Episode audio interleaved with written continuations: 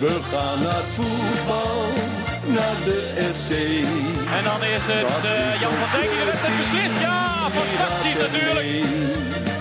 Is tegen Ajax of bij een oor. Roestak en het is 2-0. Als het Roestak met zijn tweede. Juichen wij als het Groningen weer scoort. Conform in de podcast, aflevering nummer 29 van seizoen 4.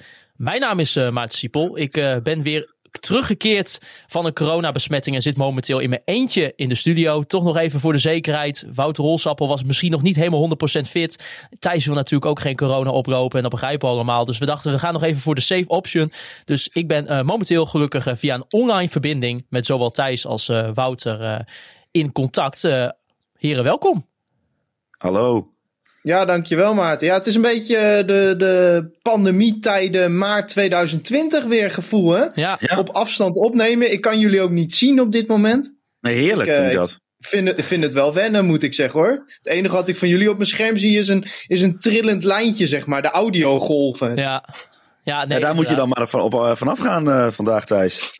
Het, uh, het zij zo. Ja, ja, we moeten het even uit voorzorg doen. Officieel mocht Maarten wel weer uit isolatie. Maar ja, we hadden zoiets van uh, laten we het toch maar even zo doen. Nou, ja. officieel mocht ik ook wel uit isolatie, maar...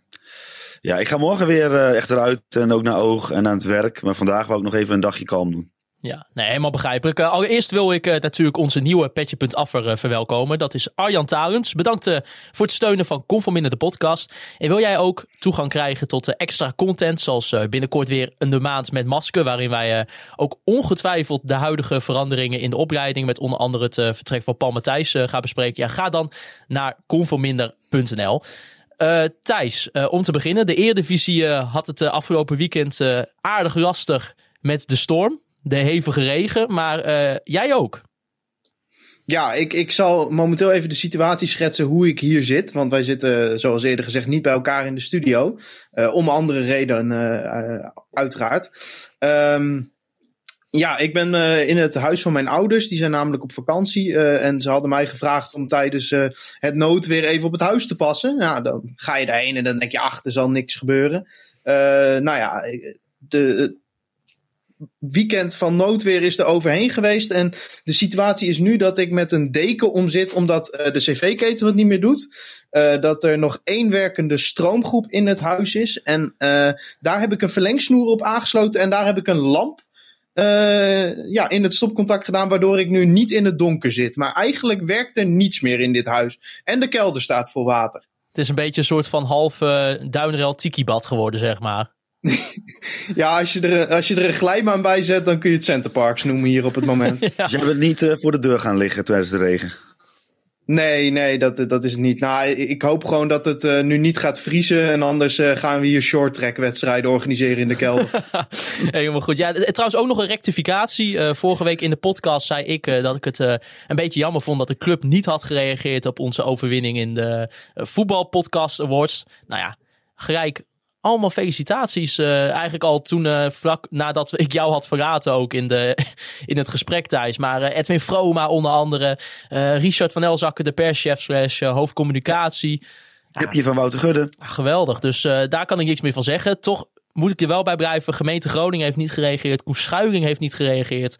Ja, dat is toch wel uiterst jammer. Dus, uh... Ja, maar ik denk toch dat dat ook te maken heeft dat de gemeente Groningen, die zet natuurlijk hoog in. En we hebben die algemene prijs natuurlijk niet gewonnen. Die is gewonnen door de Kort Podcast. Dus ik denk ook dat Schuiling sowieso heeft van ja, jullie zijn eigenlijk ook niet echt winnaars of zo. Dus ik snap hem wel. Zij vindt ons, jij ja, suggereert nu eigenlijk dat hij ons enorme losers vindt misschien. Nou ja, ik weet niet, gewoon... Ik denk dat hij ons gewoon wel oké okay vindt. oké, okay, nou ja. Het is gisteren. Misschien krijgen we nog een, uh, een reactie van hem. Uh, ik had nog een leuk idee. Want als ze dit volgend jaar weer op deze manier doen... kunnen we wel een campagne doen voor uh, de Koffiecorner of Radio Milko. Ja, dat is, ja oké. Okay, waarom? Ja, gewoon wij hebben hem dan dit jaar. Dan is het toch leuk als we volgend jaar ook kunnen. Ja, precies, podcast. Dat, precies. uh, die, uh, die nou ja, fan, ik weet niet waarom ze die bij fan hebben gestopt, maar die fan categorie wint. Ja, nee, oké. Okay. Ja, nee, en je, je wil natuurlijk ook niet een soort Bohemian Rhapsody worden. Hè? Dat je elk jaar maar zo'n prijs wint. Nee. Nee, daar wordt het ook een beetje, een beetje saai van. Maar in ieder geval, de, de huidige prijs past wel mooi tussen onze uh, azijnbekers. Ja. Ja. Nou, jongens, uh, Pek Zwolle 1-1 geworden. Doelpuntenmakers Raros Duarte en Yuta Nakayama. Bij uh, FC Groningen koos Danny Buis voor Mo El Hankouri in plaats van Damiel Dankrui. Uh, dat betekende trouwens ook dat Casemiro weer als een soort van ja, halve rechtsback centrale verdediger werd gebruikt. En dat uh, Soeslof weer op het middenveld terecht kwam. voordat we een beetje over die keuzes eerst gaan praten. Thijs, jij was naar Zwolle toe. Zat ja. op de thuistribune. heel veel regen, kou. Hoe heb je het ervaren? Nou, uh, ik had uh, via via een kaartje geregeld uh, voor de thuistribune. Twee kaartjes, één voor mij en één voor, voor Klaas-Jan. bij vastluisteraars ook niet geheel onbekend. Alleen toen kreeg Klaas-Jan ook corona. en ja, jullie twee hadden ook al corona, dus ik kon jullie ook niet meenemen naar die wedstrijd. Dus ik heb op een gegeven moment onze goede vriend Maarten en ik en hem allebei Jeffrey meegenomen. En Jeffrey die vroeg op zaterdagavond volgens mij van uh, waar zitten we eigenlijk? En, en toen uh, ben ik eens op het kaartje gaan kijken en toen bleken wij op de eerste rij te zitten. Um, alleen dat uh, stadion van Zwolle, dat, ja, dat is nog gebouwd op dat die, dat, dat tribune bouwsel, dat begint pas op rij 7 vroeger, zeg maar. Dus die eerste zeven rijen, die zijn niet overdekt. Uh, ja, en wij komen in dat stadion aan en ja, het, het regent pijpenstelen. En uh, ik zag allemaal mensen op die eerste rij met poncho's zitten. Ja, ik had natuurlijk geen poncho bij me. Uh, ja, ik ga dan altijd van huis. Dan denk ik, ach ja, dat zal ook wel meevallen met die regen. Nou, ik moet zeggen dat twee uur later uh, dat ik in de auto zat, tot mijn botten verkleumd van de kou zeik en zeiknat, dat ik daar wel even anders over dacht. ja, kan ik me zo voorstellen. Maar eh, hoe heb je bijvoorbeeld naar het uitvak zitten kijken vanaf uh, de tribune in Zwolle? Ja, dat was echt geweldig. Uh, gewoon puur dat, het, dat er weer een vol uitvak was. Maar ook gewoon uh, het geluid wat er vandaan kwam. Uh, hoe erg er werd meegeleefd. ik, ik had bij die goal van Duarte uit die vrije trap al een beetje een gevoel dat die bal erin zou gaan. Dus ik, had, ik was eigenlijk al naar het uitvak aan het kijken om te zien uh, ja, hoe dat ontplofte, zeg maar, uh, toen die bal erin ging. Ja, dat, uh, dat is echt, echt kippenvel. Want eigenlijk als, als Maarten en ik geen positieve test hadden, dan waren we eigenlijk, was het idee dat we met z'n drieën het uitvak in gingen, toch? Ja, klopt. Maar uh, ja, toen uiteindelijk ben ik maar voor de thuistribune gegaan. Omdat het richting die wedstrijd wilde ik toch wel graag heen. En toen was die kaartverkoop al lang begonnen. Dus toen kon ik ook geen kaartje meer krijgen voor het uitvak. Dus ja, ik heb het met het thuisvak moeten doen. En daardoor heb ik wel heel mooi uh, het vak van de voorkant kunnen zien. Dus dat was echt, uh, echt geweldig. Ja, ik moet zeggen, ik wil echt binnenkort, uh, zeker als je dat dan weer zo ziet, weet je wel, in dat uitvak. ik wilde echt binnenkort weer heen, man. Gemist. Ja, echt zo. Dus ja. dat moeten we binnenkort maar even snel weer gaan doen. Uh, ja, dan even om, uh, om mee te beginnen dan inderdaad die, uh, die keuzes van Danny Buis. Mo El Kouri kwam dus weer terug in de ploeg voor Damiel Dankerui. En net ja, wat ik ook al zei, Casemiro werd eigenlijk ook wederom weer op een andere positie gezet. En Soeslof daardoor op het middenveld. Thijs, hoe heb jij daarnaar van tevoren zitten kijken? Ik denk dat dit uh, weer zo'n wedstrijd was dat de technische staf toch aanpassingen ging doen om uh, de formatie en de tactiek beter bij de tegenstander te laten passen. dat hadden ze natuurlijk een aantal weken niet gedaan. Dat heeft Danny Buis ook aangegeven in interviews. maar de laatste tijd is Pek Zwolle best wel herkenbaar gaan spelen. met echt heel hoog druk zetten, met heel veel spelers tegelijk. Ja, en ik denk dat Groningen zoiets had van we gaan toch maar met vijf achterop spelen. Dan kunnen we beter met die druk omgaan. Is het moeilijker voor Zwolle om massaal druk te zetten op de speler die de bal heeft. Omdat je gewoon wat meer spelers achterin hebt om de bal naartoe te spelen. En ik denk eigenlijk dat uh, als je ziet hoe Zwolle de afgelopen weken speelde, dat FC Groningen daar best wel in geslaagd is om, uh, ja, om die druk te kunnen weerstaan in ieder geval. Uh, ja, het, het levert niet het mooiste spel op, want je krijgt vooral de lange bal. maar waar je in andere jaren wel zag dat als ja, een tegenstander zo hoog druk zette tegen FC Groningen, dat ja, er gewoon achterin in de opbouw heel veel fouten werden gemaakt. Ja, gebeurde dat nu niet zoveel, uh, naar mijn mening. Nee, Hols, uh, hè, dat, dat, zeggen mensen misschien dan ook wel. Je speelt toch tegen de nummer 18 van de eredivisie. Uh, ondanks dat ze natuurlijk wel de afgelopen weken eigenlijk steeds beter lijken te doen. En wat Danny Buis ook aangaf in een, in een interview van tevoren. Dat Pek misschien een beetje aan het underperformen is. Er zijn er toch ook mensen die denken van ja, oké, er zit bij FC Groningen wel een stijgende lijn in. Uh, er leek toch een basis nu te staan. En nu verander je het weer op, op basis van de nummer 18 van de eredivisie. Wat, wat vind jij daarvan? Ja, ik vind het altijd heel lastig om, zeg maar, dat is heel, achteraf is dat heel makkelijk zeggen als het niet uh, goed is gegaan. Maar vooral die eerste fase zette Zwolle heel hoog druk. En uh, Groningen leek daar niet echt, uh, ja, hoe zeg je dat, onderuit te komen. Maar aan de andere kant, Zwolle heeft wel echt heel veel energie verspeeld in die eerste 15, 20 minuten. En dat zag je ook wel. Ik bedoel, kijk, Groningen heeft niet heel goed gevoetbald die eerste 15, 20 minuten.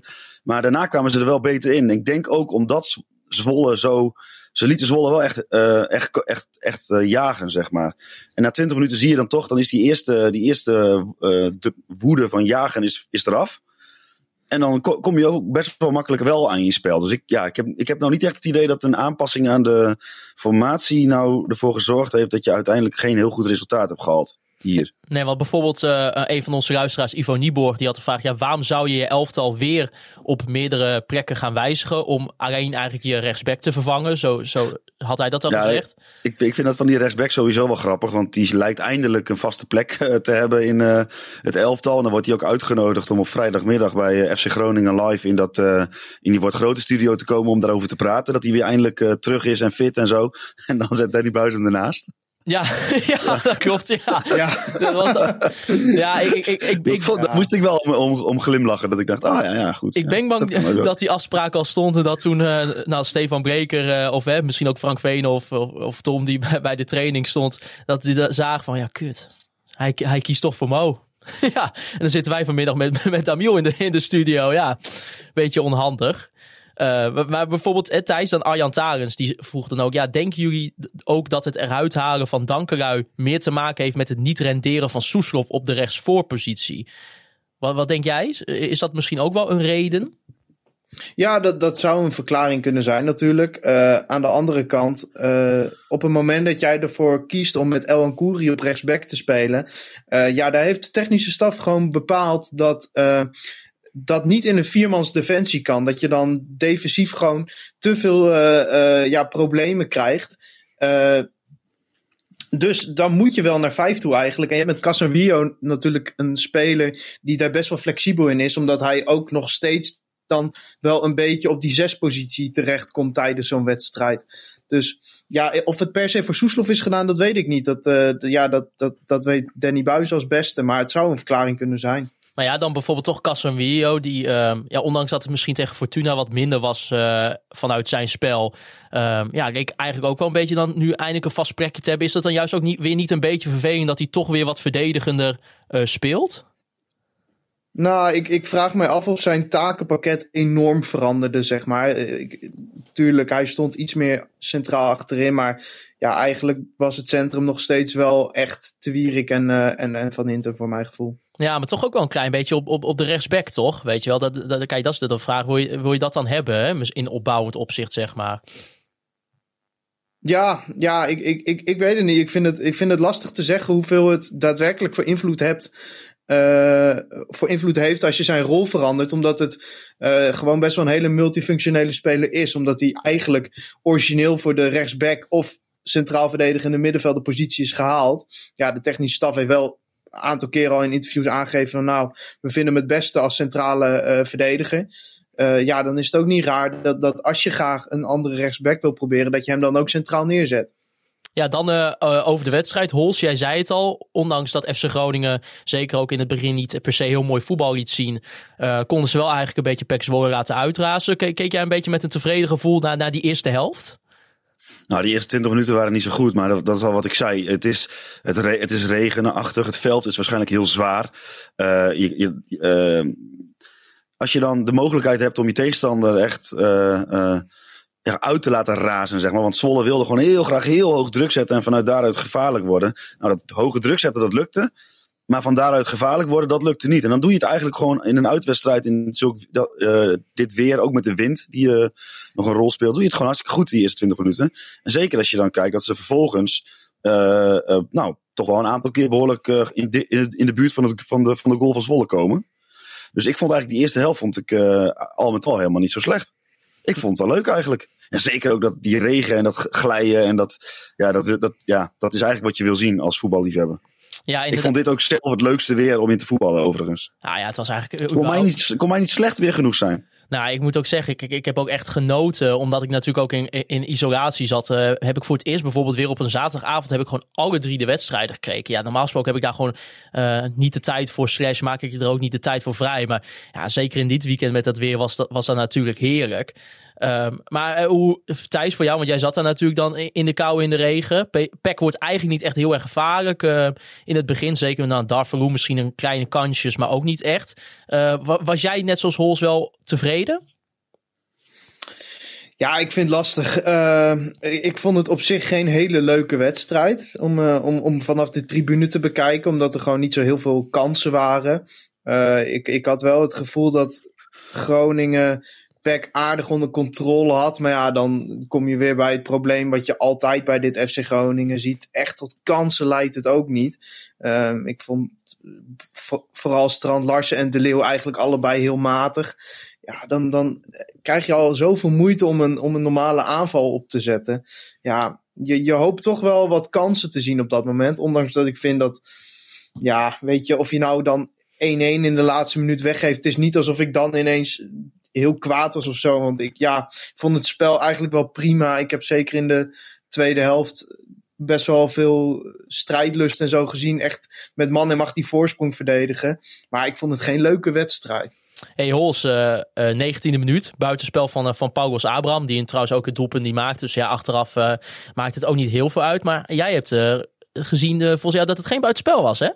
Nou, ik ging net voordat we opgingen nemen even de samenvatting eh, kijken. De FC Groningen die plaatst altijd zo'n extra, zo'n lekker lange samenvatting altijd op hun eh, Heerlijk. kanalen op maandag.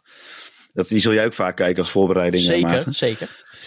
Maar eh, op het moment dat eh, Soeslof zeg maar die tackle inzet om die bal aan te tikken, staat inderdaad eh Kasan Virgio helemaal rechts voorin in zijn eentje zonder spelers om hem heen. Maar helemaal in het midden staat nog die gozer, die Nakayama geloof ik heet die. Die stond gewoon nog, nou ik denk wel een halve meter nog verder naar achteren. En vervolgens, nou ja, Abraham die mist hem. Maar ik vind het eigenlijk onbegrijpelijk dat hij daar met links schiet. Ja, maar eh, ja, waarom dan? ik echt onbegrijpelijk vind ik dat. Nou, als je, als je dan met links schiet, schiet je in de korte hoek. Maar vanaf die positie, als je met, de rechter, met, je, met je rechterbeen, ook al ben je niet zo goede, heb je niet zo goed de rechterbeen, als je hem daarmee plaatst in de hoek, zit hij er gewoon in. Punt. Ja, en hij gaat met links en dan, ja, dan moet je toch, kun je toch niet om die keeper heen draaien met zo'n bal. Of er onderdoor schieten. Dat is toch een stuk moeilijker. Abraham heeft wel een keer een doelpunt nodig hoor. Ja, maar dit, Het be- begint nu wel een beetje. Dit dat had gewoon moeten van, zijn. eh, weet je, eh, het, ik vind het goed dat hij gewoon opgesteld blijft worden. Het is ook echt wel een speler wat leuk is om naar te kijken als hij het een beetje op zijn heupen heeft. Maar het wordt wel echt tijd dat hij ook een beetje rendement gaat krijgen. Want ja, een, een linksbuiten bij FC Groningen en dan hou ik het prijskaartje wat, wat aan hem eh, zat toen, eh, toen we hem van eh AIK haalden nog maar even achterwege. Ja, daar moet je gewoon meer rendement van verwachten. nou, ik, ik denk wel dat je blij mag zijn met een bepaalde lijn die je erin ziet. Ja, oké. Hij, hij is, Het- hij is het- het wat dat onder- betreft redelijk stabiel. Maar eh, De ondergrens wordt steeds hoger, zeg maar. ja, maar ik vind wel dat je iets meer van een linksbuiten van FC Groningen mag verwachten. Eh, eh, zeker iemand die gewoon nu vast de kans krijgt in, eh, in de basis. Dus en wat is dan, eh, ja, je wil meer van verwachten? Moet hij er dan uit? Of moet, heb je een ander idee? Nee, ik bedoel meer dat we qua verwachtingspatroon de lat wel iets hoger mogen leggen dan alleen hij was niet slecht, zeg maar. Kijk, de afgelopen wedstrijden zeiden we elke keer van oké, het is goed dat hij dat hij blijft staan, geef hem die ervaring maar. Maar ik vind wel dat je op een gegeven moment ook meer rendement mag gaan verwachten. En ja, oké, kans missen kan een keer. Maar ja, ik, ik weet niet. Hij heeft echt een goede actie en voor mijn gevoel ook wel een goede trap. Dus ja, ik hoop wel dat dat gaat komen eh, in de komende weken. Ja, als we dan eigenlijk verder kijken naar die eh, eerste helft, eh, hebben we rond de 28 minuten nog een beetje een povere, po- povere poging van, van Michael de Reeuw. Was wel, ging wel trouwens een hele goede paas van, van Bjorn Meijer aan vooraf op, op Strand. Ja, en dan eigenlijk komt het moment van de geweldige actie van Raros Duarte, waar uiteindelijk een vrije trap uitkomt. En ja, Thijs, jij zei het al, je, je zag het een beetje aankomen, hè? Ja, eh, sterker nog, ik, eh, ik zat eh, met wat PEC Zwolle supporters op de tribune die die kaart voor mij hadden geregeld. En die vrije trap kwam, nou, daar riep er al een achter mij van zo, dat is wel een, een voetballetje, die, die nummer 6 van Groningen, die kan wel voetballen. En ik zei van nou, jij lacht, maar hij kan ook heel goed vrije trappen schieten. Dus ja, ik, ik voelde het al een beetje aankomen. Ik bedoel, hij is redelijk dicht in de buurt geweest al in, in wedstrijden recent. Ja, dan is het wel gewoon mooi dat hij nu ook eh, daadwerkelijk eh, een keer een bal zo tegen de touw aanschiet. Ja, Nou, wat mij nog wel opviel, en dat eh, alle lof voor eh, La Ros Duarte. Maar Duarte deed eigenlijk hetzelfde als Abraham. Die weigerde om met zijn verkeerde been te schieten. Die had ook al wel een stap eerder met links kunnen uithalen. Maar die wilde per se naar die eh rechterpoot van hem kappen. Nou ja, goed, daar kwam dan die vrije trap uit. Maar ik vind het ook wel iets om op te letten. Hè, van, ze moeten ook wel met hun verkeerde been af en toe een bal eh, richting goal kunnen schieten, toch? Ja, je zegt eigenlijk van eh, hij had wel de ruimte om misschien al. Hè, natuurlijk, er komt nu die vrije trap uit en uiteindelijk het doelpunt. Maar hij had misschien al kunnen uithalen. Of misschien ook voor een andere optie kunnen, kunnen kiezen. Nou ja, kijk, wat ik meer wil zeggen is als je nou, als hij hem eh, kapt en de te- tegenstander schiet gewoon die bal weg en, en er is geen vrije trap, ja, dan heb je niks aan die fantastische actie. Dan kun je beter ook hè, met je linker een keer proberen uit te halen. Maar goed, dat is in dit geval. eh, vond wel, eh, vond wel mooi. Ik zat gisteren Studio Voetbal te kijken, gisteravond. Daar eh, natuurlijk eh, Theo Jansen aan tafel, maar ook Pierre van Hooijdonk. Natuurlijk allebei vrije trapspecialisten. En die eh, zaten naar die vrije trap van Duarte te kijken. Dat was hun moment van de week, zeg maar. En je zag elkaar... Je zag ze elkaar echt even aankijken. En eh, toen zei Pierre van... Ja, je ziet al aan zijn aanloop dat hij een vrije trap kan nemen. Dus dat vond ik wel echt mooi om te zien. Nou ja, hij- en hij weet je, hij heeft eigenlijk al wel een beetje, nu die eh, wat stabieler eh, lijkt te spelen. eh daar hebben we het natuurlijk al bijvoorbeeld tegen NEC met de corners gezien. die, die trap die zit er wel in bij hem. Zo. Ja, en ook gewoon de actie, hè, wat, wat hij daarvoor laat zien. Ja, sowieso heeft hij een paar keer per wedstrijd dat hij heel mooi wegdraait bij een, bij een tegenstander. Ja, we noemen hem natuurlijk al weken als een, als een positief eh, ontwikkeling. En ja, nu met een doelpunt zet hij dat helemaal door. Ja, ik vind het gewoon echt een hele fijne speler. We hebben, wel eh, een, Om een cliché er tegenaan te gooien, spelen waarvoor je gewoon naar het stadion toe komt. we hebben wel eens een eh, podcast met Adrie Poldervaart opgenomen. En dan na het opnemen had Adrie het wel eens over hè, dat een speler specifieke kwaliteiten moet hebben. Nou, volgens mij, Duarte, die heeft ze wel. Ja, ja ik, ik ben echt enorm fan van deze speler, echt waar. Nou ja, dan eh vlak voor rust hebben we nog de eh, eh, grote Oh. kans voor, voor Meijer. Ja. Ja, dat was natuurlijk wel even lekker geweest als je dan al met 2-0 eh, de rust in ging. Ehm, maar dan eigenlijk in die tweede helft komt er gelijk, na twee minuten, komt er die enorme kans voor oud-FC'er de Jean dan. Die, eh die Leeuwenburg redt. Ik weet nog, Hols, wat wij zaten samen te kijken. Ja, Eh, wij we hadden allebei corona, dus ja dan. Ja, we dachten eerst in het, in het eerste punt dat, dat hij gewoon overschoot. Maar Leeuwenburg die redde hem nog. Maar toen zei het eerste wat jij zei, weet ik nog van waarom kiest hij niet de hoek? Ja, die kun je, ja. Maar dat, ja, dat is ook, ja, ik, eh, moet ik, ja, moet, ja, die voetballer, je, kan, je kunt toch voetballen? Je, bent toch spits? Dan mag je hopen toch als hij, eh, als hij in het profvoetbal zit. Als je één keer over de bal kijkt, dan zie je toch dat die eh, hoek rechts van Leeuwenburg, als je hem daar gewoon een, een flinke schuiver in die hoek duwt, dan kan hij er nooit bij. Nooit. En Casanvirgio ook niet. Nee, ja, is hij toch blijkbaar ja, niet koelbloedig eh, genoeg voor het. Ja, hij is ook wel iets beter aan het spelen bij PEC. En dat Maar, was wel even, ging wel even een slaapmomentje van eh, Mike de Wierik aan vooraf. Want die eh, stapte in. En waarop had ik niet helemaal door. Maar dat was wel. Casemiro werd ook ongelooflijk kwaad toen. eh, na dat schot. Ik weet niet of het op Mike was of op iemand anders hoor. Maar het, het stond even niet goed bij FC Groningen bij, de, bij, die, bij die kans. Ja, ik, wa- wat ik wel even, ik, daar was ik ook benieuwd naar hoe jullie daarnaar keken. Hè? Want eigenlijk die kans, eh Casemiro die loopt, die loopt met hem mee. Ehm, ik denk in eerste instantie ook goed. Eh, maar geeft hij op het eind, hè, eh, ook als vervolgens weer eh, zeg maar, die kans komt, geeft hij hem daar misschien net niet bijvoorbeeld ook een beetje te veel ruimte?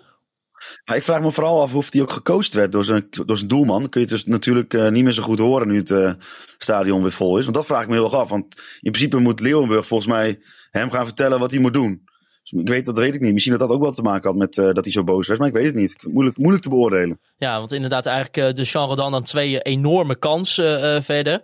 Ehm, eigenlijk dan in die tweede helft, eh, waar eigenlijk ook de mensen een beetje eh, kritiek op begonnen te krijgen, was eigenlijk de wissels van, eh, van Danny Buis. Onder andere eh, onze luisteraars Tony Harkema en David Veenstra, die hadden gevraagd, ja, ehm, over de wissels. Bijvoorbeeld, hè, eh Yaya Kelly voor Abraham, eh Swerko voor Soeslof, Matuta voor Duarte. Er werd toch vrij verdedigend eh, gewisseld. Ja, is dat misschien ook wel een fout geweest van, van Danny Buis, Thijs, denk je?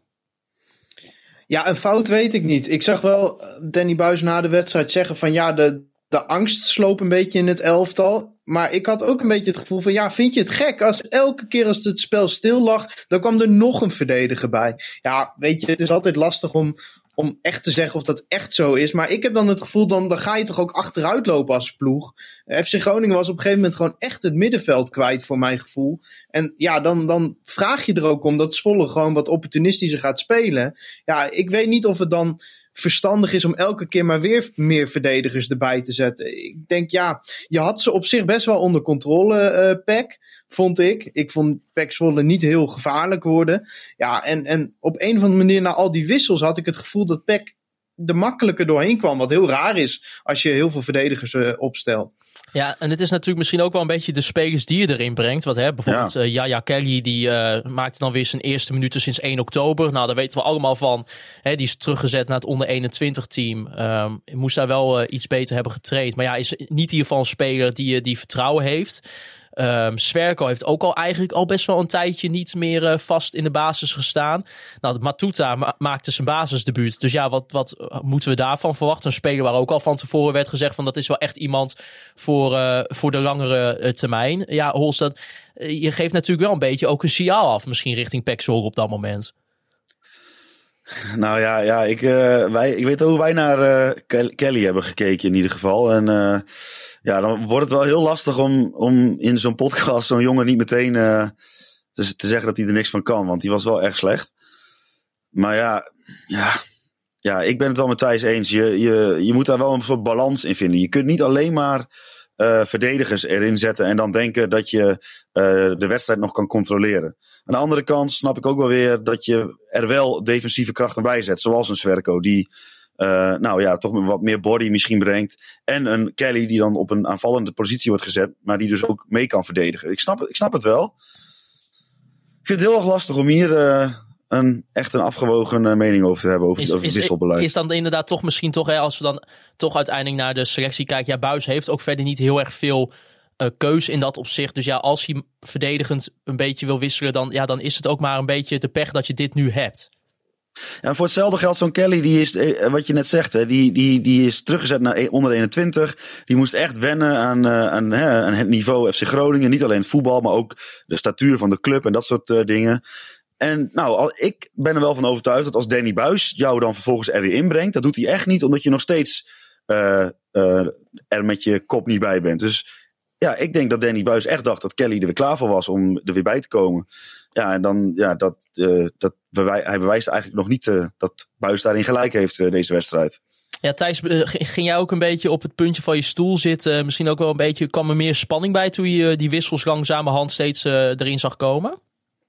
Nee, ik had eigenlijk niet het gevoel dat FC Groningen heel erg in de problemen ging komen. Maar toen er een beetje zo'n fase kwam dat Pek Zwolle heel veel standaard situaties kreeg, toen had ik wel zoiets van, volgens mij heb ik dat toen ook gezegd tegen het gezelschap waarmee ik op de tribune zat van, oh, hij gaat nog vallen. Dus ik moet zeggen dat ik ook niet heel erg verbaasd was of zo. Ja, het is natuurlijk gewoon kloten in de 94ste minuut.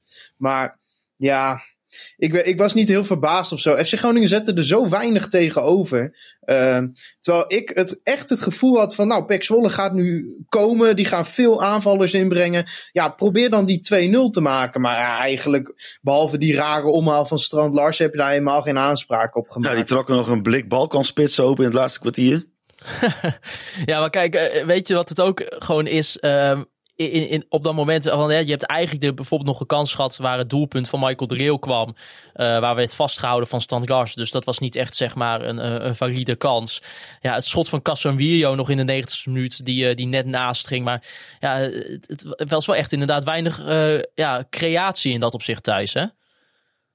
Ja, en ja, weet je, het is oké dat je ervoor kiest om te proberen die 1-0 vast te houden. Ik denk dat de fase waarin FC Groningen uh, nu zit als, als team, dat het ook wel logisch is. En Zwolle gaat natuurlijk met het publiek erachter. Ja, die gaan gewoon opportunistisch spelen. Ja, en dan ga je het gewoon lastig krijgen, hoe dan ook. Wie je er ook tegenover had gezet, elke ploeg had het tegen dit pack lastig gekregen op dat moment. Omdat ze gewoon.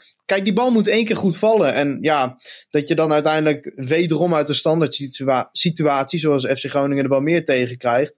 Ja, het is, het is zuur. Maar ja, ik had ook wel zoiets van. Ja, dan had je het ook maar eerder zelf af moeten maken. En, en ja, eigenlijk na de 1-0. Ja, Groningen streed wel. Om, om gewoon die voorsprong vast te houden. Maar ja, ik, ik zie dan toch liever dat je gaat proberen die 2-0 te maken. Ja, want uiteindelijk is het, uh, zoals jij zei, tijdens in de 94 minuut Nakayama die uh, vanuit de, de corner met de kopbal scoort. Um, ja, Hols, wederom eigenlijk Jaya Kerry ja, goed. is sneu voor die gast. Ja. Maar ja, nou ja, goed. hij, hij heeft echt de mogelijkheid om die bal te koppen. Ik bedoel, als je een profvoetballer bent en je zeker je bent linksback, dan, dan verdedig je vaak zeg maar die kant van, eh, van eh, het veld. Ja, dan moet je wel in staat zijn om zo, om, om, om zo'n bal te raken. Maar aan de andere kant, het, het, kan ook een keer fout gaan en dat gebeurde nu.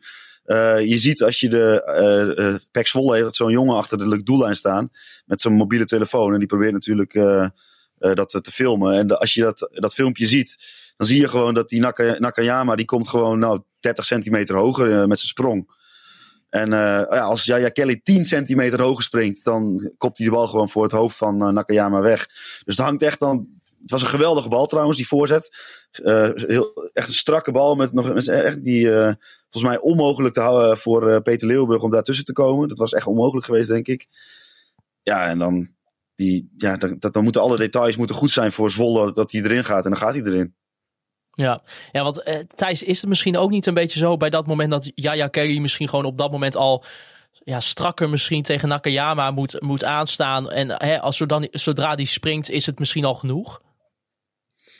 Ja, ik weet het niet. Ik vind het lastig te zeggen. Uh, want als hij je komt tegen... echt heel hoog, ja, maar, Nakayama. Okay, maar, maar als je, als je... En Nakayama heeft ook het voordeel dat hij vooruit komt lopen. Yaya Kali loopt in principe achteruit. Nou, ja, zijwaarts loopt Weet je, ik, ik, vind het lastig om hier Yaya Kali de schuld van te geven. Want oké, okay, hij had misschien die bal weg kunnen koppen. Maar Nakayama die komt echt er tegenaan lopen. Hè? En het is, eh, wat Hols ook al zei, het was een geweldige bal. Dus ja, ja als, als hij daadwerkelijk zo hoog komt en hij kan er tegenaan lopen, ja, dan kan die bal een keer goed vallen. Nou ja, Nee, maar ik, ik, zou niet zeggen dat het echt een keiharde fout is van, van Kelly. Maar hij had wel meer kunnen doen dan dit.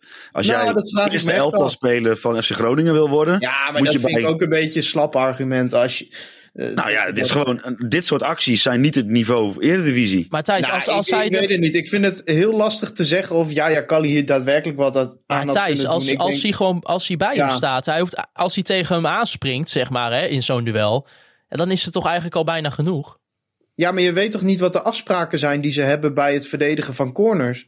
Nee, oké, maar ja, ik zie, ik zie duidelijk volgens mij daar staan dat, dat, dat Nakayama en uh, Kelly in dat opzicht een koppeltje zijn. Dus. Ja, maar ja, verdedig jij in de zon of verdedig je man op man? Dat weten ja. we niet, hoe ze dat neerzetten. Nee, in ieder geval, ja, ik weet niet. Het zou, zou je Adrie moeten vragen, die ik, gaat erover. Zeg maar, en dat is natuurlijk ook omdat ik het dan een beetje frame voor frame terugkijk, is het natuurlijk ook wel weer een andere situatie dan dat ja. het in het echt gebeurt. Maar uh, ja, het, het, is ook gewoon een beetje sneu voor Jaya Kerry in dat opzicht. Uh. Ja, klopt, maar het is ook hartstikke sneu. En ik zeg, zeg ook niet dat hij nu uh, niet meer een goede voetballer is en dat hij nooit meer gaat redden. Maar ja, volgens mij mag je gewoon als iemand daar ogenschijnlijk te weinig doet in een duel, mag je dat gewoon zeggen volgens mij. Ja. Daar was zo'n jongen toch ook alleen maar. Die moet toch ook nu denken: van potverdikke, maar de volgende keer dan uh, gebeurt me dat niet weer. Nee. Nee, precies. Nou ja. En uh, uh, ja, ik weet niet, je had het over de wissels, maar ik vond zelf voor op het oog, laten we, laat ik niet overdrijven, maar ik, ik stuur, zette meteen in de appgroep die Matuta, dat is een goede aankoop. dat, dat claim wij hier alvast even. Dat claimde ik direct. Ik zou, ja, dat, die heeft wel wat. Dat, daar, zit, daar zit wel iets in wat we echt wel bij Groningen past. Ik denk dat hij, als ik hem de eerste paar minuten duels in zou gaan, denk ik dat hij een zeer geliefde speler kan worden voor het uh, FC Groningen publiek. Dan, uh, ik bid met je mee, Hols. Ik hoop het uh, ook in dat opzicht. we gaan even naar de Online Retail Company moment van de week. Het Online Retail Company moment van de week.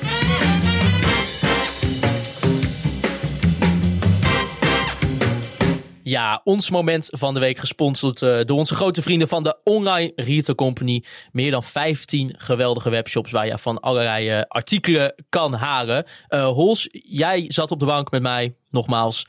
En jij zei, dit is mijn moment van de week. Jij begon ja, ik, denk de, ik, ik, wil Thijs wel de mogelijkheid geven om mezelf ook eentje te kiezen. Aangezien wij met z'n twee hebben gekeken en hij toch in zijn eentje in het stadion was. Maar mijn moment van de week, voetbal is een publieksport.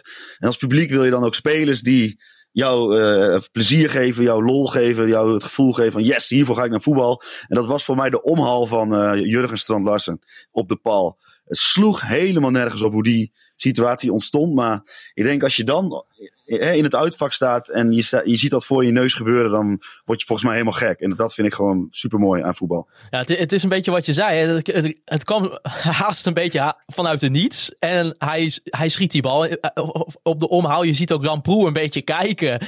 En er ontstaat toch ook een soort van moment dat iedereen haast rijdt te denken van wat, wat gebeurt hier nou?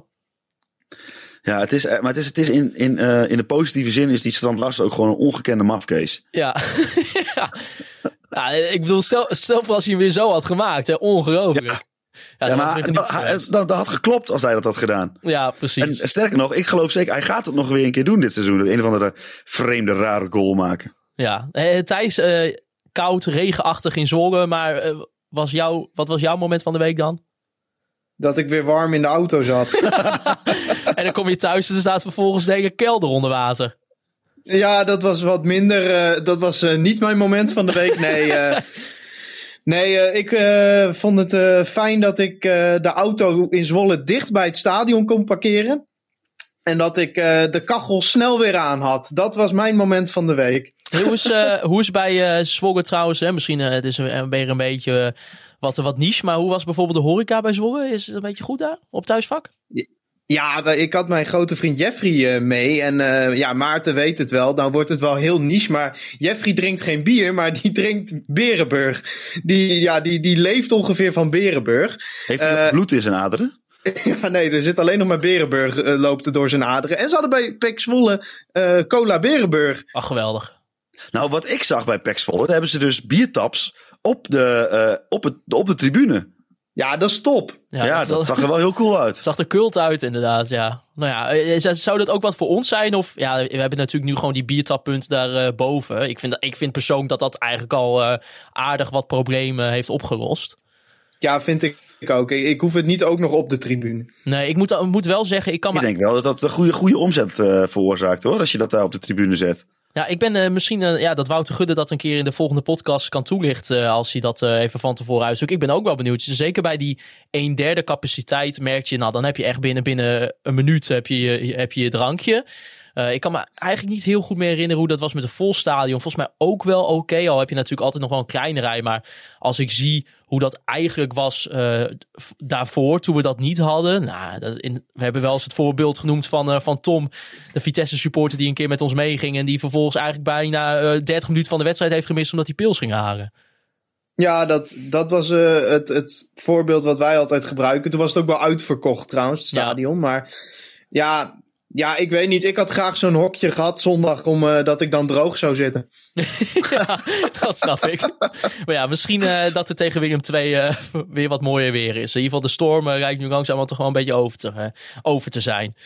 Eh, er kwam ook een vraag binnen van, uh, van Reinder Nap. Die had een vraag rondom eh, Thomas Soeslof. Die zegt, ja, Buis gaf in het interview voor de wedstrijd aan... dat hij vindt dat Soeslof zijn beste positie centraal op het middenveld is. Terwijl Soeslof zichzelf meer een rechtsbuiten vindt. Wat vinden jullie zijn beste positie en waar in het elftal is hij nu misschien het meest nodig? Ik begin eh, met jou, eh, Hols. Ik denk dat eh Soeslof potentie, potentieel, potentieel het beste is als hij beetje tussen een 8 en een 10 ga, eh, kan spelen. Niet een echte 10, maar ook niet een echte middenvelder. Maar ik snap wel dat hij nu ehm, toch vaak centraal op het middenveld wordt geposteerd. Want dan is hij, kan hij toch wat taakbewuster spelen. En we weten allemaal hoe Buis daarvan houdt. Van spelers die gewoon keihard hun taak uitvoeren. Eh, en dan, als, als hij eenmaal... ehm ja, ook Soeslof is jong en is misschien een van de beste spelers. Maar ook hij moet nog wel groeien, denk ik. Wil hij echt een dragende, aanvallende speler worden. Dus ik, nou, ik snap wel dat Buis dat nu zegt. Ik denk dat hij wel wat aanvallender, uiteindelijk zijn, poten- zijn potentie ligt denk ik wel wat afvallender. Ja, Thijs, uh, Mark-Jan die zei ook bij ons in de podcast... je ziet toch als hij wat hè, meer aanvallend speelt... bijvoorbeeld op zo'n rechtsbuitenpositie... dat hij het in de kleine ruimtes het vaak nog wel een beetje lastig heeft. Ehm, ja, hoe, kijk jij dan daarna bijvoorbeeld... dat hij weer tegen Pek Zwolle op die uh, meer ja, centrale middenvelderpositie stond? Ja, ik ben het eens met die observatie van Mark-Jan Vladeres. Dat, uh, dat hij in de kleine ruimte nog wel wat tekort komt. Um, en ook heb ik bij hem wel vaak dat, dat hij dan de bal een beetje rond 20 meter van het doel krijgt. En dat dan net het overzicht ontbreekt om of de goede paas te geven. Of uh, een keer wel goed tot een schot te komen. Wat je vaak ziet is dan loopt hij zich vast. En op een gegeven moment dan schiet hij maar een keer. En meestal gaat die bal dan 20 meter over en 30 meter naast. Ja. Uh, ja, ik, ik ben het wel een beetje met, met Hols ook eens. Dat een beetje tussen die zes en die acht positie in, dat dat zijn beste positie is. Eigenlijk een beetje de Duarte-rol van nu. Al zou ik Duarte daar niet snel meer weghalen, omdat hij gewoon het hartstikke goed doet. Nee, maar, maar ze kunnen ja, ook prima naast elkaar spelen, want ze vullen elkaar wel aan qua type. Ja, ja, maar ja, dan ga je al gauw Soeslof weer op 6 terecht krijgen. Ja, dat klopt. Ja, ja, dat is waar. En dat wilden we niet meer. Dat Nee, maar op een gegeven moment zag je wel, als hij inderdaad, eh, voor mij was dat die, die actie waarin eh, eh, hij een, een, diepe, diepe paas geeft en Bram van Polen die bal mist. Dat Abraham die bal tegen, hoe heet hij ook alweer, Lamproe aantikt. Ik denk wel, hè, iets, iets meer van achteren, die, die pases zijn dan wel wat beter dan als hij al inderdaad helemaal rechts buiten staat. Ja, hij heeft als rechtsbuiten gewoon iets te weinig rendement, denk ik. En dat is niet zo erg, maar dan moet je dat wel vaak eh, belangrijke pases hebben, kansen creëren. Eh, dan maakt het niet zo uit als je niet vaak scoort of weinig assist hebt. Maar ja, ik mis dat toch wel een beetje in zijn spel. Dus ik, ik snap wel dat ze hem liever iets defensiever gebruiken in dat opzicht. Want hij wint wel gewoon heel veel duels. Ja, dan even naar eh, wat, eh, wat transfernieuws eigenlijk. Of in ieder geval misschien eh, geruchten. Reon Boerengraaf van Voetbal International kwam daar vandaag met een artikel over. Zo noemde hij bijvoorbeeld Yaya Kari. Ja jongens, Mark-Jan Verderes zei het al bij ons in de podcast. Een bod van een grote Scandinavische club. En de Noorse kampioen. dat, dat bleek opeens nu... nou, dat, dat hij daar eigenlijk wel die, die jongen direct wil overkopen. Dan wil ik even een shout-out doen naar onze Noorse eh, luisteraar eh, eh, Magne. Want die eh, zei dit, die tweette dit al, hè? Die zei dit al van, nou, dat is vast, eh, hoe, voor mij is het Budde. Budde. Beuder gliemt. Want die hebben hun eigen linksback verpatst. Dus eh, vind ik wel, vind ik dat, echt- we hebben toch weer een scout in Noorwegen. Ja, en daarnaast zou die ook nog worden gevolgd door Malmö en, en Brunby. Ja, eh, jongens, wat, wat, wat, denken we ervan? Het, ik bedoel, stel voor als het in de zomer, eh, als deze clubs toch denken van, nou, dit is wel echt een hele interessante speler. Hij ligt natuurlijk wel lang vast bij FC Groningen. Ja, ja. ja, weet je, ja, ik vind het lastig als ze er, als ze er knaken voor kunnen krijgen. Dan moeten ze het misschien wel doen. Maar misschien denken Mark-Jan Vladeres en de opvolger van Danny Buis, Frank Wormoed wel, dat dit de, de nieuwe Goedmanson wordt. Ja, Thijs, hoe kijk jij daarnaar? Ja, als je een groot bod krijgt, dan zou ik het sowieso altijd doen. Ehm, puur vanwege het feit dat je hem dan eigenlijk al binnen een jaar met winst zou kunnen verkopen. Volgens mij is hij ooit voor 4 ton gekomen, klopt dat? Oeh, dat durf je niet zo- even. Ik kan het Nee. even. Dat is uit mijn hoofd hoor. Eh, of in ieder geval een paar ton, zeg maar. Eh, ik vraag me alleen af of, of zo'n Noorse club zoveel geld gaat betalen eh, dat het eh, ja, onvermijdelijk is dat ze dat bod accepteren. Ehm, je hebt eh, wel vernomen al dat het huidige bod in ieder geval van tafel is geveegd eh, door, eh, door FC Groningen. Tuurlijk, Beude Glimt heeft de afgelopen jaren wel goed verkocht. Onder andere eh, Jens-Peter Auge is daar, is daar weggekomen. En Patrick Berg is daar weggekomen. Dus dat zijn echt goede spelers die daar, die daar voor best wel wat geld zijn vertrokken. Maar de tv-gelden in Noorwegen zijn zo laag dat eh, daar worden gewoon niet enorme transfersommen betaald. Dus ik vraag me dan af of het, of het bod zo substantieel is dat je dan moet zeggen, nou ja, we laten hem maar gaan. Of dat je zegt, we laten hem nog steeds hier doorontwikkelen. En we hopen dat we hem dan aan een nog grotere club voor nog meer geld kunnen slijten. Ja, en dan eh, Jurgen Strand Larsen, want eh, daar zou ook weer wat eh, rondom spelen. Strasbourg zou hem willen overnemen voor, voor volgend seizoen. Volgens Reon Boerga, wat er stond, had uh, L'Equipe al gemeld dat, dat, het rond, dat de bronnen rondom de speler zijn die het bevestigen.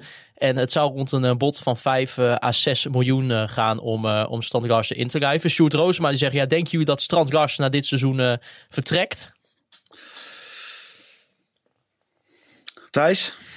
Oh jee, ik dacht ik laat jou even netjes aan het woord, eh Hols. Ik had net al gesproken. Dat is het irritant als je online met elkaar Ja, zit. dit is de eerste keer dat het Kun je niet gaat. zien wie het woord wil nemen. Maar ik was nog even aan het nadenken. Maar ik denk. Moet eh, ik eerst? In mijn hoofd. eh, Ik ga wel, ik ga wel gewoon. In mijn hoofd eh, eh, zit het volgende.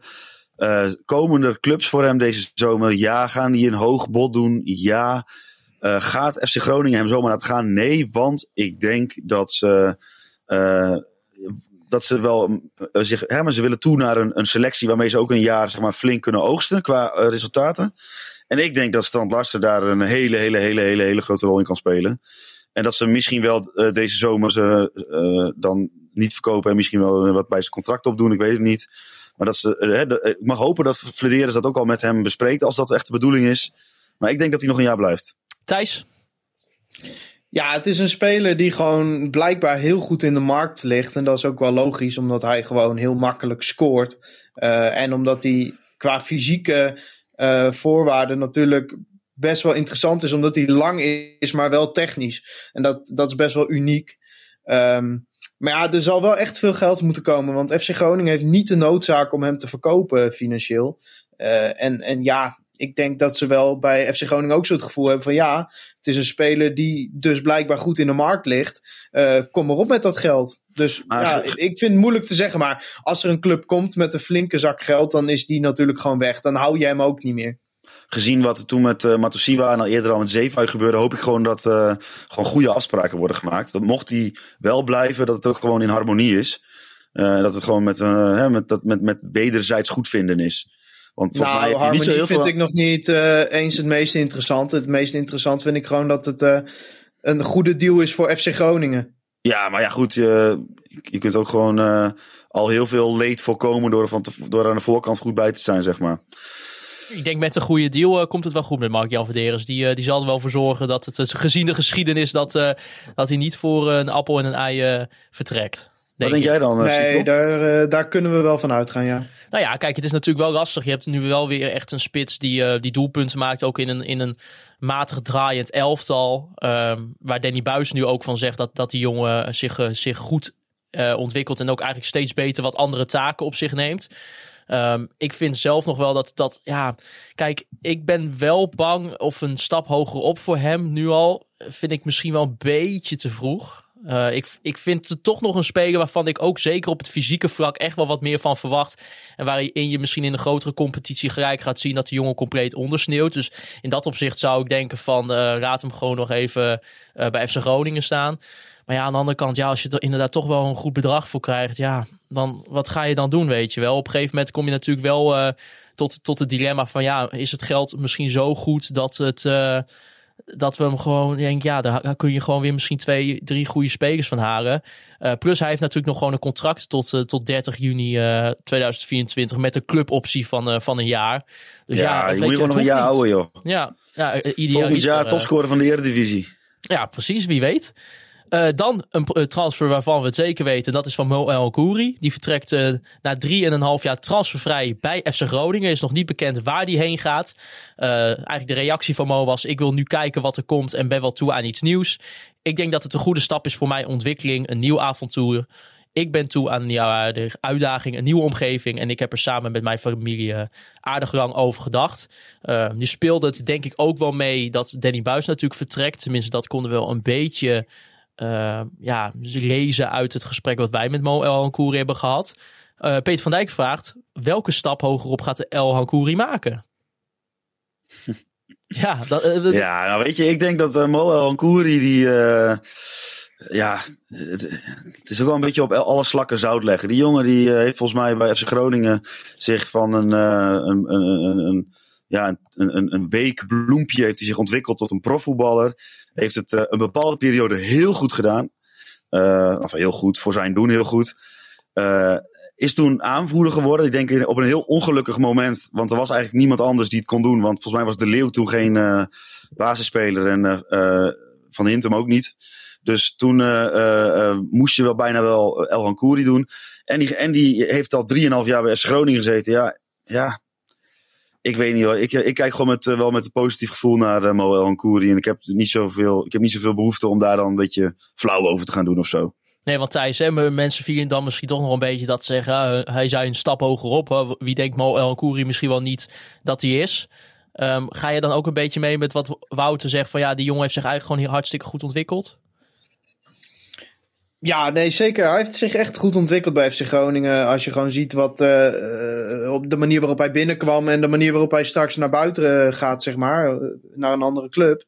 Um, ik denk gewoon dat, dat er voor hem veel meer opties zullen zijn als de mensen of als de clubs geen transferbedrag voor hem hoeven neer te leggen. Zelfs clubs die qua statuur nog wat hoger zitten dan FC Groningen. Ja, daar is hij natuurlijk wel gewoon een nuttige selectiespeler voor. Ja. Uh, en ja, da, voor een nuttige uh, selectiespeler zullen clubs toch niet snel een transfersom betalen. Maar als ze zo iemand ja, gratis kunnen ophalen, ja, wat tekengeld en natuurlijk hij moet gewoon een contract krijgen. Ja, dan, dan zijn de opties toch wat, wat breder misschien dan, dan wanneer hij zou bijtekenen. En dan is het nog maar de vraag of hij volgend seizoen gaat spelen onder de nieuwe trainer. Uh, terwijl hij nu op een punt komt in zijn carrière dat hij ervoor kan kiezen om die opties wel te hebben. Dus ja, vanuit zijn perspectief snap ik het heel goed. En, en vanuit FC Groningen perspectief snap ik het ook dat je niet zijn contract zoveel gaat opwaarderen dat ja, hij niets anders kan dan bijtekenen. Want ja, zo belangrijk is hij natuurlijk ook weer niet uh, voor, uh, voor deze ploeg. Dus ja, het is uh, al met al, denk ik, voor alle partijen een prima beslissing. En dat, ja, ik vind dat dan ook wel prima op zo'n moment. Ja, en kijk, Moel Ankouri, je hebt, jong, je hebt jongens als er een camera aan staat. Michael de Leeuw bijvoorbeeld, die komt altijd heel lekker uit zijn woorden. En die, die, die heeft daar schijnbaar weinig moeite mee. En je kunt toch wel eerlijk zijn, Moel Ankouri is niet op deze wereld gezet om uh, op een camera hele, nou ja, gewoon steekhoudende verhalen af te steken. Dat is gewoon niet zijn ding. Ik wij hebben, hem, met hem gepraat gewoon zo, zonder uh, dat er de, de, de microfoons aanstaan. Het is gewoon een hele rustige, relaxte jongen. Is gewoon niet, hij komt gewoon niet heel lekker uit zijn woorden als de, als de, camera, als de camera's lopen, zeg maar. Dus ja, dat, dan zegt hij dat hij een stap hoger op wil. Ja, wat, wat moet hij dan zeggen? Van nou, ik hoop dat ik drie stappen naar beneden ga zetten. Ja, zo, ja. Ja, plus ik weet ik, niet. Ik heb, daar niet. ik heb daar niet zoveel moeite mee. Laat hem dat lekker zeggen. En, uh, ja, plus, wat ik ook ja. denk, ik ben het ook wel met Thijs eens inderdaad. Voor, voor clubs kan hij best wel een interessante speler zijn. Omdat het gewoon inderdaad best echt een lekkere selectiespeler kan zijn. Uh, plus het, weet je, de, de sfeer rond hem rondom hem hangt toch nu wel een beetje dat het een, dat het een jongen is die uh, er alles aan doet om, om elke dag beter te worden. En ik weet dat is wel een beetje een stom cliché, maar dat hoor je toch niet altijd van, van elke speler binnen een uh, professionele voetbalorganisatie. Dus weet je, ik bedoel, de aanbevelingen rondom hem zullen altijd positief zijn. Dus ja, als, ja. als je een club hebt en je hebt nog een speler nodig, een beetje voor de misschien hè, in de vijfmans verdediging bijvoorbeeld, of... Uh, ja, inderdaad toch wel op zo'n positie. Dan kan het denk ik best wel een, een leuke speler zijn om erbij te halen. Maar ja, ja want maar laten we eerlijk zijn, je had ook geen miljoen aan hem verdiend. Nee, precies. Dus ik, uh, ik, denk, ik denk dat het voor alle partijen gewoon goed zo is. Ja, ik denk het ook. En uh, we gaan hem uh, bedanken en uitzwaaien.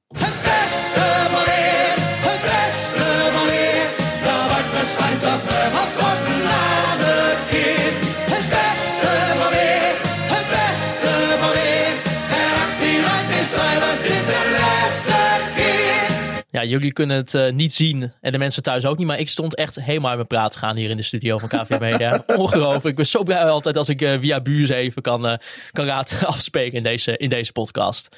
Uh, dan ook een beetje een, een heftig thema. Misschien wat niemand zag aankomen deze week. Maar opeens toch vanuit een, uh, ja, misschien voor, voor veel supporters ook een saai nieuwsbericht op de website. Uh, kwam er toch wel wat veel heisa. dat was namelijk het bericht dat er enkele mutaties gaan plaatsvinden binnen de opleiding van FC Groningen. sinds augustus van dit seizoen werkt FC Groningen met een hoofdvoetbalontwikkeling bovenbouw en een hoofdvoetbalontwikkeling onderbouw. Dat waren Byron Bakker en Sander van Gessel. die hebben die functie ingevuld. Er was iets anders dan wat daarvoor werd gedaan. En eigenlijk is nu een beetje na, uh, nou ja, na een paar maanden dan, uh, pakweg een jaar, gaan ze dat toch veranderen. Omdat uh, ja, dat combineren van het, hè, het, bijvoorbeeld Sander van Gessel, die, die ook nog een team erbij traint. En dan ook nog dit moet doen, dat er toch wel een beetje heel veel werk is. En dat ze toch hebben gedacht van we moeten dit anders in gaan vullen.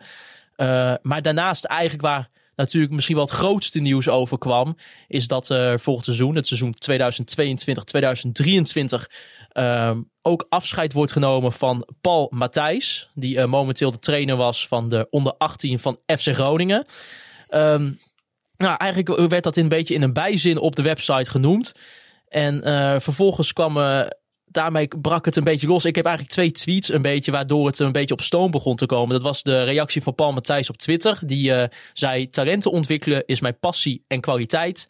Helaas kan ik dat na dit seizoen niet meer laten zien bij FC Groningen dit verwerken en dan kijken naar een nieuwe uitdaging. Nou, daar konden we in ieder geval uit opmerken dat uh, ja, Paul daar aardig wel uh, mee zat.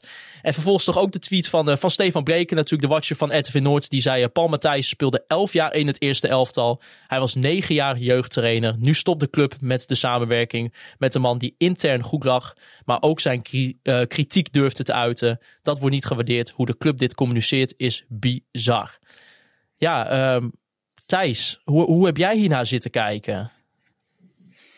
Ja, weet je, uh, vooropgesteld is het natuurlijk altijd pijnlijk als, als iemand die zoveel jaar bij de club is betrokken, uh, ja, de organisatie gaat verlaten. Uh, dat kan natuurlijk best dat daar hele goede redenen voor zijn. ik vind wel dat FC Groningen dat sentiment in de communicatie in ieder geval volledig verkeerd heeft aangevoeld. Door dat in een bijzin op de site eh, te zetten in een statement. Kijk, je hoeft niet voor elke medewerker eh, die vertrekt, bij FC Groningen werken volgens mij 100 mensen in totaal. Je hoeft niet voor elke medewerker die vertrekt een heel persbericht te schrijven. Maar ik vind wel dat iemand die zo lang bij FC Groningen heeft gespeeld. Meer dan 300 eh, zo wedstrijden. lang, ja, zo lang trainer is geweest eh, in de jeugd van FC Groningen. Ja, dat die eh, ja, meer zinnen verdient. Puur in aantal zinnen alleen al. Maar ook qua boodschap. Dat, het komt wel heel kil over. En, en ja, voor mij is dat heel vergelijkbaar met de manier waarop het afscheid van Danny Buis en Adrie Poldervaart is, eh, is aangekondigd. Ja, ik, ik vind dat gewoon eh, eh, niet genoeg, de manier waarop de club dat communiceert. Kijk, je hoeft niet alle details over hoe iets tot stand is gekomen naar buiten te brengen. Een voetbalclub die volledig open en transparant is, dat is echt een illusie. Eh, maar je laat zoveel ruimte over voor, voor suggestie eh, op deze Ja. manier. Eh, en en oké, dat, dat gebeurt altijd. Maar het komt allemaal zo kil over. En, en ja, voor mij persoonlijk, ja, dan, dan begin je een soort patroon te herkennen. Van de manier waarop mensen, ja, waar ik als supporter best wel een binding mee voel. Nou, bij Paul Matthijs is dat misschien minder in zijn functie als jeugdtrainer, maar wel spelen natuurlijk. Eh, en ook mensen die hier rondom de jeugd spreekt, zijn er heel veel mensen die ja, hem heel hoog hebben zitten. Ja, dat je dan die mensen op die manier eh, ja, hun vertrek aankondigt, ja, dat, dat vind ik eigenlijk wel pijnlijk. Nou, En laten we even. ja, laten we even Maar het is toch eigenlijk Oh. vooral als je gewoon kijkt. eh, eh, weet je, als- als zo'n als zo'n beslissing wordt genomen en zo'n bericht komt, dan komen van alle kanten komen mensen met ja, maar ik heb dit gehoord en ik heb dat gehoord en ik heb zus gehoord en ik heb zo gehoord. Maar wat, wat een beetje zeg maar de rode draad is in wat ik nu zie met qua communicatie, qua eh, hoe, hoe er met mensen wordt omgegaan.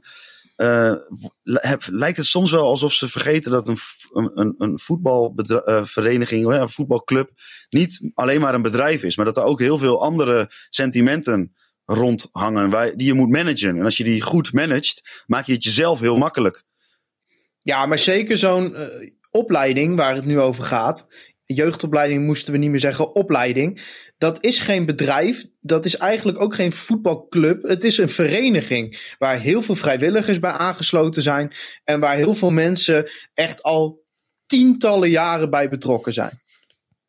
Dan kun je dat niet aanvliegen met een PR-statement dat ook vanuit bedrijfsmatig opzicht gewoon slecht is. Gewoon puur PR-statement is slecht.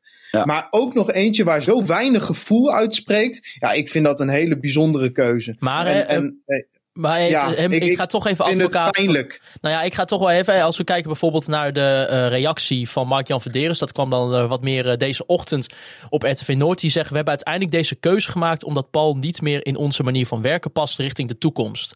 Reageert technisch directeur Mark-Jan Verderes.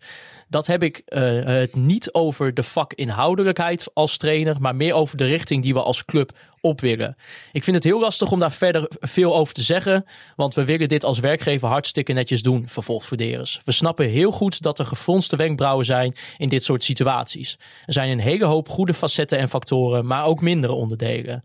Nou ja, als je daar dan naar kijkt, hè, kijk, ik, ik interpreteer dat, en, en dat werd ver- vanmiddag bijvoorbeeld ook in de koffiecorner Ehm, door Stefan Breken, door Wim Masker ook benoemd. Stefan Breken nuanceerde natuurlijk eigenlijk eh, in die podcast ook wel dat hij bijvoorbeeld in die tweet zei dat hij intern goed lag. Want we konden wel eh uit concluderen, en ook als het gaat dat Mark-Jan Verderes zegt dat het vak inhoudelijk niet is, dat het toch wel gaat over ehm, naar de mensen binnen de opleiding en ook spelers.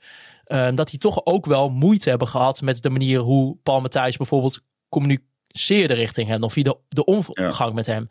Kijk, dan heb ik wel als Verderes dat dan zegt. Kijk, wat kan hij dan nog meer zeggen, ook in zo'n statement op de website? Want je kan ook zeggen, ja, je gaat ook niet... Wat, moet je dan zeggen, Thijs? Want ik kan me ook wel voorstellen dat de club denkt, ja, oké, de redenen dat hij niet weggaat, of dat hij weggaat, heeft dan toch meer op het vlak te maken dat misschien ja, mensen het toch niet heel fijn vinden om met hem samen te werken. Ja, dat is dan ook wel weer pijnlijk als je dat op de website gaat zetten, toch? Ja, maar dat, ik heb wel het gevoel dat je dat anders kunt verpakken dan eh, dat je de grijs gedraaide plaat die we ook bij Adrie Poldervaart en Danny Buis hebben gezien, eh, dat je die weer afspeelt. Dat je zegt van ja, hij past niet in onze visie en de manier waarop we werken. Want dan, dan hou je meer vragen over dan dat je beantwoordt, zeg maar.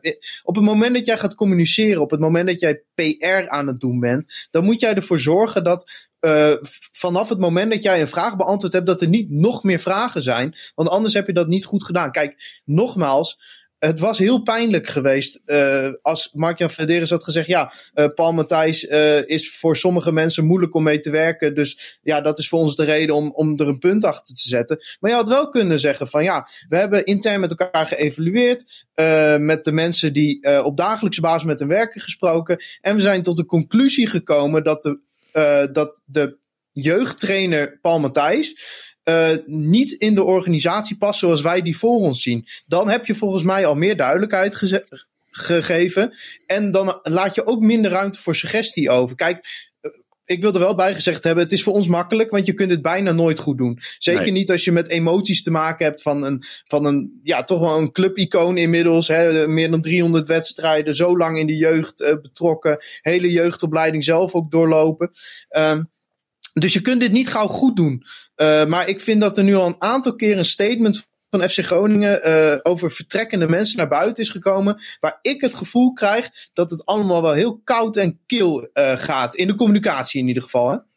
Ja, Hols, Nou, ja, ik denk vooral. Uh, uh, ik, ik heb niet vaak in, bij een uh, onderwerp dat ik, de, dat ik denk van ga maar een andere podcast luisteren. Maar ja, je kan bijna niet anders dan zeggen ga maar naar Wim Masker luisteren.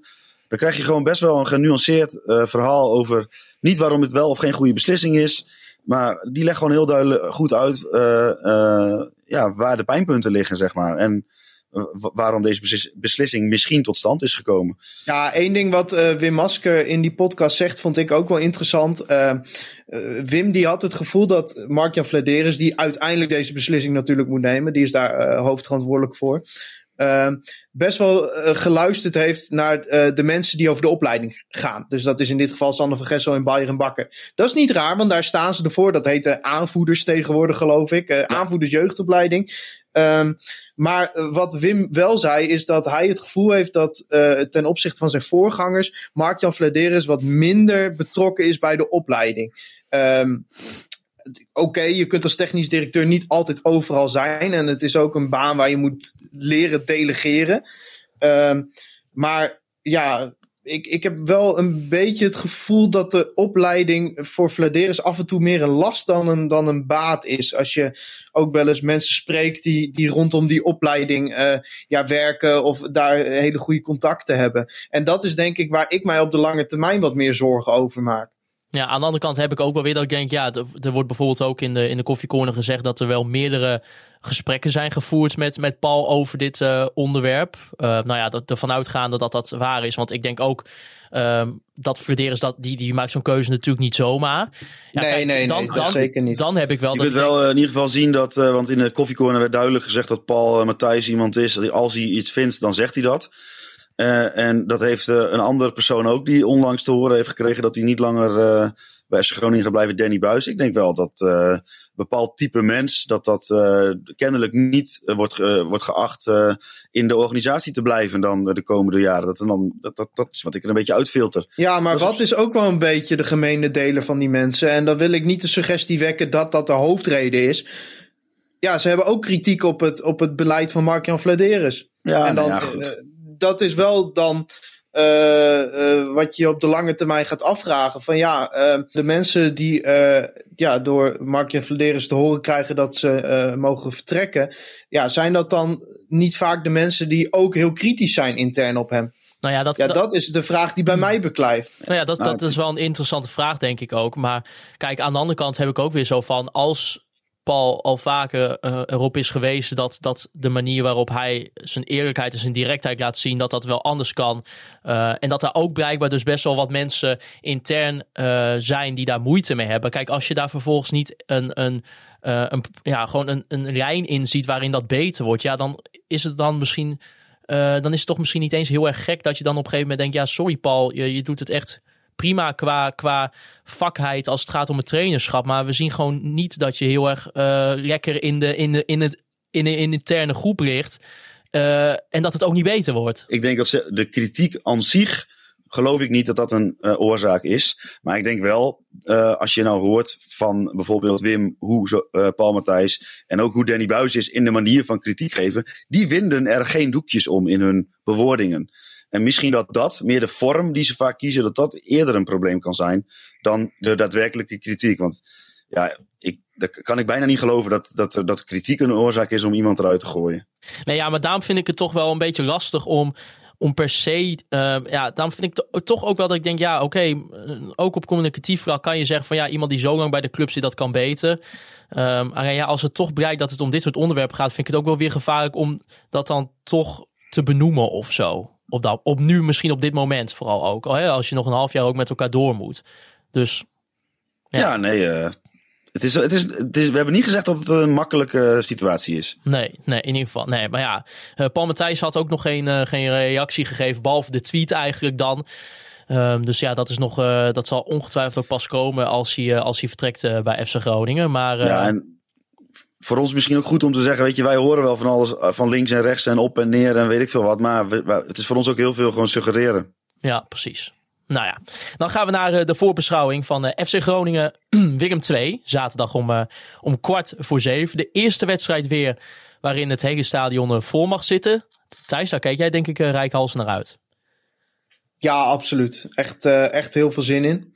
Ehm, avondwedstrijd. Hopelijk een zo vol mogelijk stadion. Of dat in ieder geval eh, Noord, waar wij dan staan, dat dat vol is. Nou, ik ga er wel vanuit eigenlijk. Ehm, geen QR-code controle meer aan de ingang. Ja, ik heb daar wel heel veel zin in. Ja, en dan- eh, Willem 2, de nummer 15 eh, van de Eredivisie. Afgelopen weekend werd er verloren thuis tegen Ajax met 0-1. Ondanks ik heb eh, die wedstrijd gezien, vond ik het eigenlijk best wel een eh, prima wedstrijd van Willem 2. Zeker ook vooral in die eerste helft werd er echt nog wel gewoon druk gezet, ook op Ajax. En eh nou ja, het- centrale verdediger hebben zij, hè? Ja, Wesseldammers geweldig spelen. Nou, die, die speelde best prima trouwens hoor. Daar, Ja, eh, dat, eh, daar kan je dat- niks van zeggen. Dat hoorde ik, ja. Ik heb het niet gezien, maar dat hoorde ik wel. Nee, ja, vond, ja, of tenminste, hij viel niet in negatieve zin sowieso op. Dus, eh, en sowieso vond ik Willem II eh, in die wedstrijd wel heel erg goed. Ehm, maar ja, dat was dan bijvoorbeeld weer een heel ander Willem II dan dat we zagen tegen Sparta. Waar ze eigenlijk ja, gewoon niks te vertellen hadden in, in balbezit niet. Ehm, waar eigenlijk ook bijvoorbeeld de, de Tilburgse podcast, de Korvelse kant, zei: Ja, ik, het zou zomaar, als, als je dit doorzet, dan, dan ga je echt meedoen eh, voor degradatie. Dus ja, je ziet toch in dat geval dat het ehm, tussen die twee wedstrijden best wel een groot gat zit. Ja, en verder, ehm, sinds de winterstop verloren ze van PEC Zwolle en van FC Twente. Er werd er dan wel met de 2-1 van RKC eh, gewonnen, waar eh, Thijs Oosting een grote rol in speelde. Maar ook als ik een beetje die podcast luisterde van, eh, van de jongens uit Tilburg, dan, eh, ja, dan kijken zij toch wel een beetje negatief richting eh, de restant van het seizoen. Eigenlijk begonnen ze heel goed. Ze stonden in, op 2 oktober stonden ze nog derde in de Eredivisie, maar daarna is het eigenlijk steeds minder gegaan. En eh, ja, zien ze eigenlijk ook eh, spelers die niet vooruit durven te spelen. Eh, een speler zoals Keulen die, die op linksback staat de afgelopen wedstrijden. Waar je hem eigenlijk niet wil hebben staan. Nou, nu missen ze ook nog. dat was afgelopen weekend al zo. Dat gaat ook tegen FC Groningen zijn. Paul Jong. Dus ja, dat, is, dat ziet er niet goed uit voor, voor Willem II. Thijs, wat verwacht jij van die wedstrijd? Ja, Willem II is wel echt een ploeg die het lastig heeft. en, en ja, ook wel voor mijn gevoel onder de clubs geschaard kan worden. eh, die het best wel lastig gaan krijgen eh, om in die eredivisie te blijven. Eh, ja, nog steeds wel een paar spelers in het elftal ja, waar we echt voor op moeten gaan passen. Ze hebben natuurlijk voorin met Jay Nunnally, die is echt heel snel. Eh, daar, eh, daar ga je last van krijgen. Want ja, met, met hem tegen die laatste lijn van Groningen aan. ligt er altijd het gevaar dat de bal er een keer overheen valt. en dat hij, eh, dat hij doorbreekt. Ja, en Daniel Crowley is weer terug bij, Ja. bij Willem II. En ik weet nog dat hij een keer van 30 meter een bal in, in de kruising schoot in de Euroborg. Dat weet ik nog heel goed. Zal Maar ja, ook niet gewoon, ook gewoon een leuke speler om, om ja, te zien, omdat hij best wel technisch is. Maar ja, ook wel een ploeg die best wel eh, veel moeite heeft om het spel te maken. Dus ja, dat gemixt met wat individuele fouten, dan sta je zomaar onder in het rechte rijtje. Eh, ja, en dan eh, gaan we kijken hoe Wessel Dammers het tegen FC Groningen gaat doen. Ik vind dat wel, wel grappig eigenlijk, dat dat ook op zo'n korte termijn dat je hem al tegenkomt. Ja, hoe gaat die ontvangen worden, jongens, denk je? Ja, gewoon normaal, denk Ja, ik. toch. Ik vind het een mooie. Ik vond het wel. Ja, hij heeft er nooit met de pet naar gegooid, zeg maar. Niet, eh, niet met gejuich en niet met gefluit. Nee. Gewoon als elke andere speler van de tegenstander, eh, zeg maar. Ja, ik denk wel dat, ze, dat Willem II in ieder geval zich wel een beetje heeft eh, versterkt. Met inderdaad ook Dammers, Daniel Crowley, Gis Hoornkamp, Thijs Oosting. Dus. Maar ja, toch, ik vraag me wel af of, of het genoeg gaat zijn. Ehm, ja, tegen FC Groningen dan. Daniel Crowley, ja, wij natuurlijk wel een ander type hebben dan met Paul Jong. Dat die natuurlijk wat meer verdedigender eh, kwaliteit heeft dan Daniel Crowley. Dus, ehm, maar het is wel natuurlijk zo, zeker nu je twee wedstrijden wel punten hebt verspeeld. Ja, dan er komt toch ook wel weer een beetje een druk op het eh, einde van die februari maand, eh, Hols. Ja, nee, we hebben, die- volgens mij hebben wij eh, ehm, in de, een begin van de maand een voorspelling gedaan voor de, het vierluik. eh, ja, wat was het nou? Zwolle, eh Fortuna Ahead. en Go Ahead. En dan Willem II. En eh, ik dacht, ik doe grappig, ik zeg vier punten. En dat, dat hebben ze dus nu gehaald, vier punten. Dus eh, ja, je kunt er nog zeven van maken. Dan heb je volgens mij een prima maand februari gedraaid. Dan niet goed, maar nog niet heel goed, maar gewoon prima. Maar als je verliest, dan is het toch wel een eh, pittig maandje hoor. Vier puntjes uit die vier wedstrijden. Ja, Thijs, we hebben het van tevoren een beetje de cruciale maand genoemd. Als je keek eigenlijk naar wat voor tegenstanders je had. Ehm, stel voor, eh, Groningen wint zeven punten. Is dat dan eh, genoeg voor jou geweest? Nou, dat was ook mijn voorspelling volgens mij. Geweldig. Dus eh, Heb het jij begin van negen de gezegd. Maarten? ik heb geen idee wat. Ja, volgens mij heb ik negen gezegd. Dus dat, eh, dat ja, zo zie je maar weer. Mijn voetbal eh, denken de capaciteiten zijn zeer matig. Dus eh, Maar er is, eh, er is nog een factor die deze wedstrijd gaat beïnvloeden. zeg het eens. Ja, de scheidsrechter Martin van der Kerkhoff. Ach, ja, daar ben je niet de fan van. hè? allerslechtste scheidsrechter van de Eredivisie. Echt waar. Ik vertel iedereen die dit luistert en die naar het stadion gaat of die op tv gaat kijken. eh, maak jezelf maar klaar voor 90 minuten ergeren aan de slechtste scheidsrechter van de Eredivisie. Erger dan Joey Coy? Ja, veel erger. Erger dan Christian Baks. Het zal mij niets verbazen als die op een negatieve manier zijn stempel op deze wedstrijd gaat drukken. Maar dat kan dus ook in een, in, eh, ten negatieve zijn van Willem II. Ja hoor, want hij is consistent slecht. Eh, jongens, voorspelling. Wouter Holsappel. ehm, ja, eigenlijk voor jouw Ja. voorspelling moet, moet FC Groningen niet winnen. Nee, nou kijk, eh, eh, het gaat natuurlijk uiteindelijk allemaal op het schema van eh, Rutger Ottens waar we dit voor doen. Ja, En ik kan natuurlijk mijn kansen spreiden of ik ga al in. En ik ga toch mijn kansen spreiden. Dus eh, ik ga voor een eh, eclatante 5-0, nee 4-0 voor FC Groningen in eigen huis. keurig. Thijs Faber, wat denk jij? 3-2, vijf discutabele penalties gegeven door Martin van der Kerkhoff. Nou, dat zou zomaar kunnen. Eh, Rutger Ottens, ik ga zelf voor een, eh, een overwinning. Ik zie het wel, eh, wel weer gebeuren. Eh, het heeft een beetje... Dat is geen voorspelling. Huh?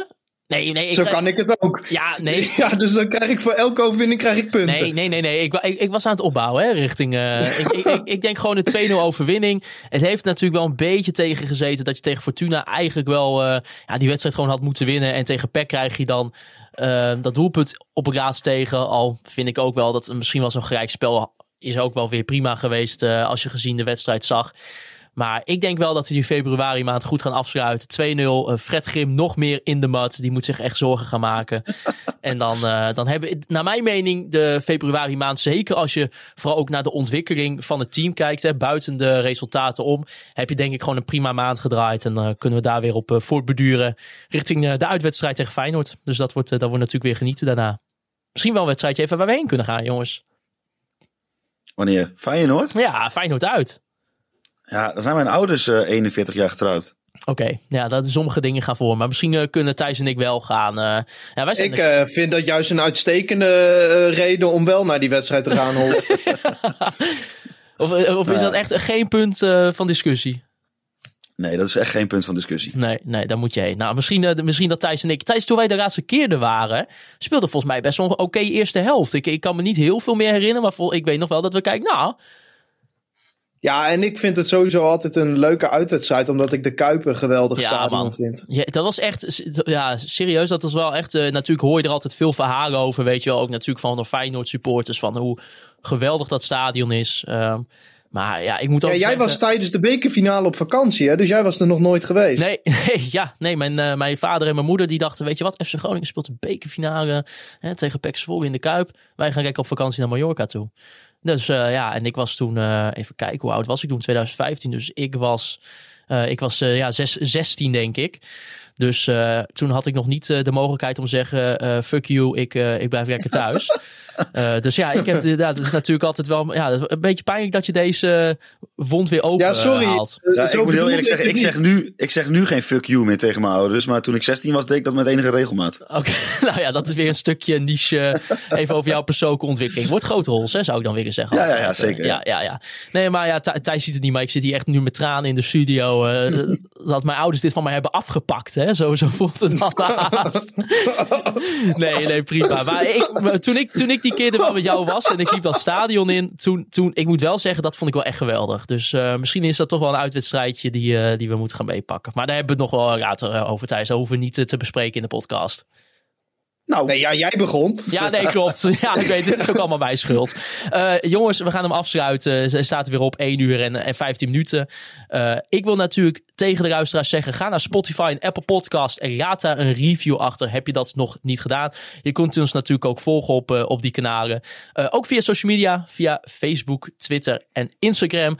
Eh Thijs, TikTok. TikTok, ja, TikTok. Je vergeet TikTok. TikTok inderdaad. nou, er komt de komende tijd denk ik geen content meer op. Maar mocht je het toch leuk vinden, volg ons vooral. Ik wil Andy Zuidema natuurlijk bedanken voor de foto's die wij elke week mogen gebruiken. De Online Retail Company en B-Trip voor de Online Retail Company. Moment van de week. Via Buurs natuurlijk weer. Ze was weer terug in deze aflevering voor het vertrekken van Mo El Kouri. Bedankt. Free Westerhof en Mark Pepping voor de intro en outro muziek. En als laatste wil ik jullie, de luisteraars, bedanken voor het luisteren naar Conforminder, de podcast.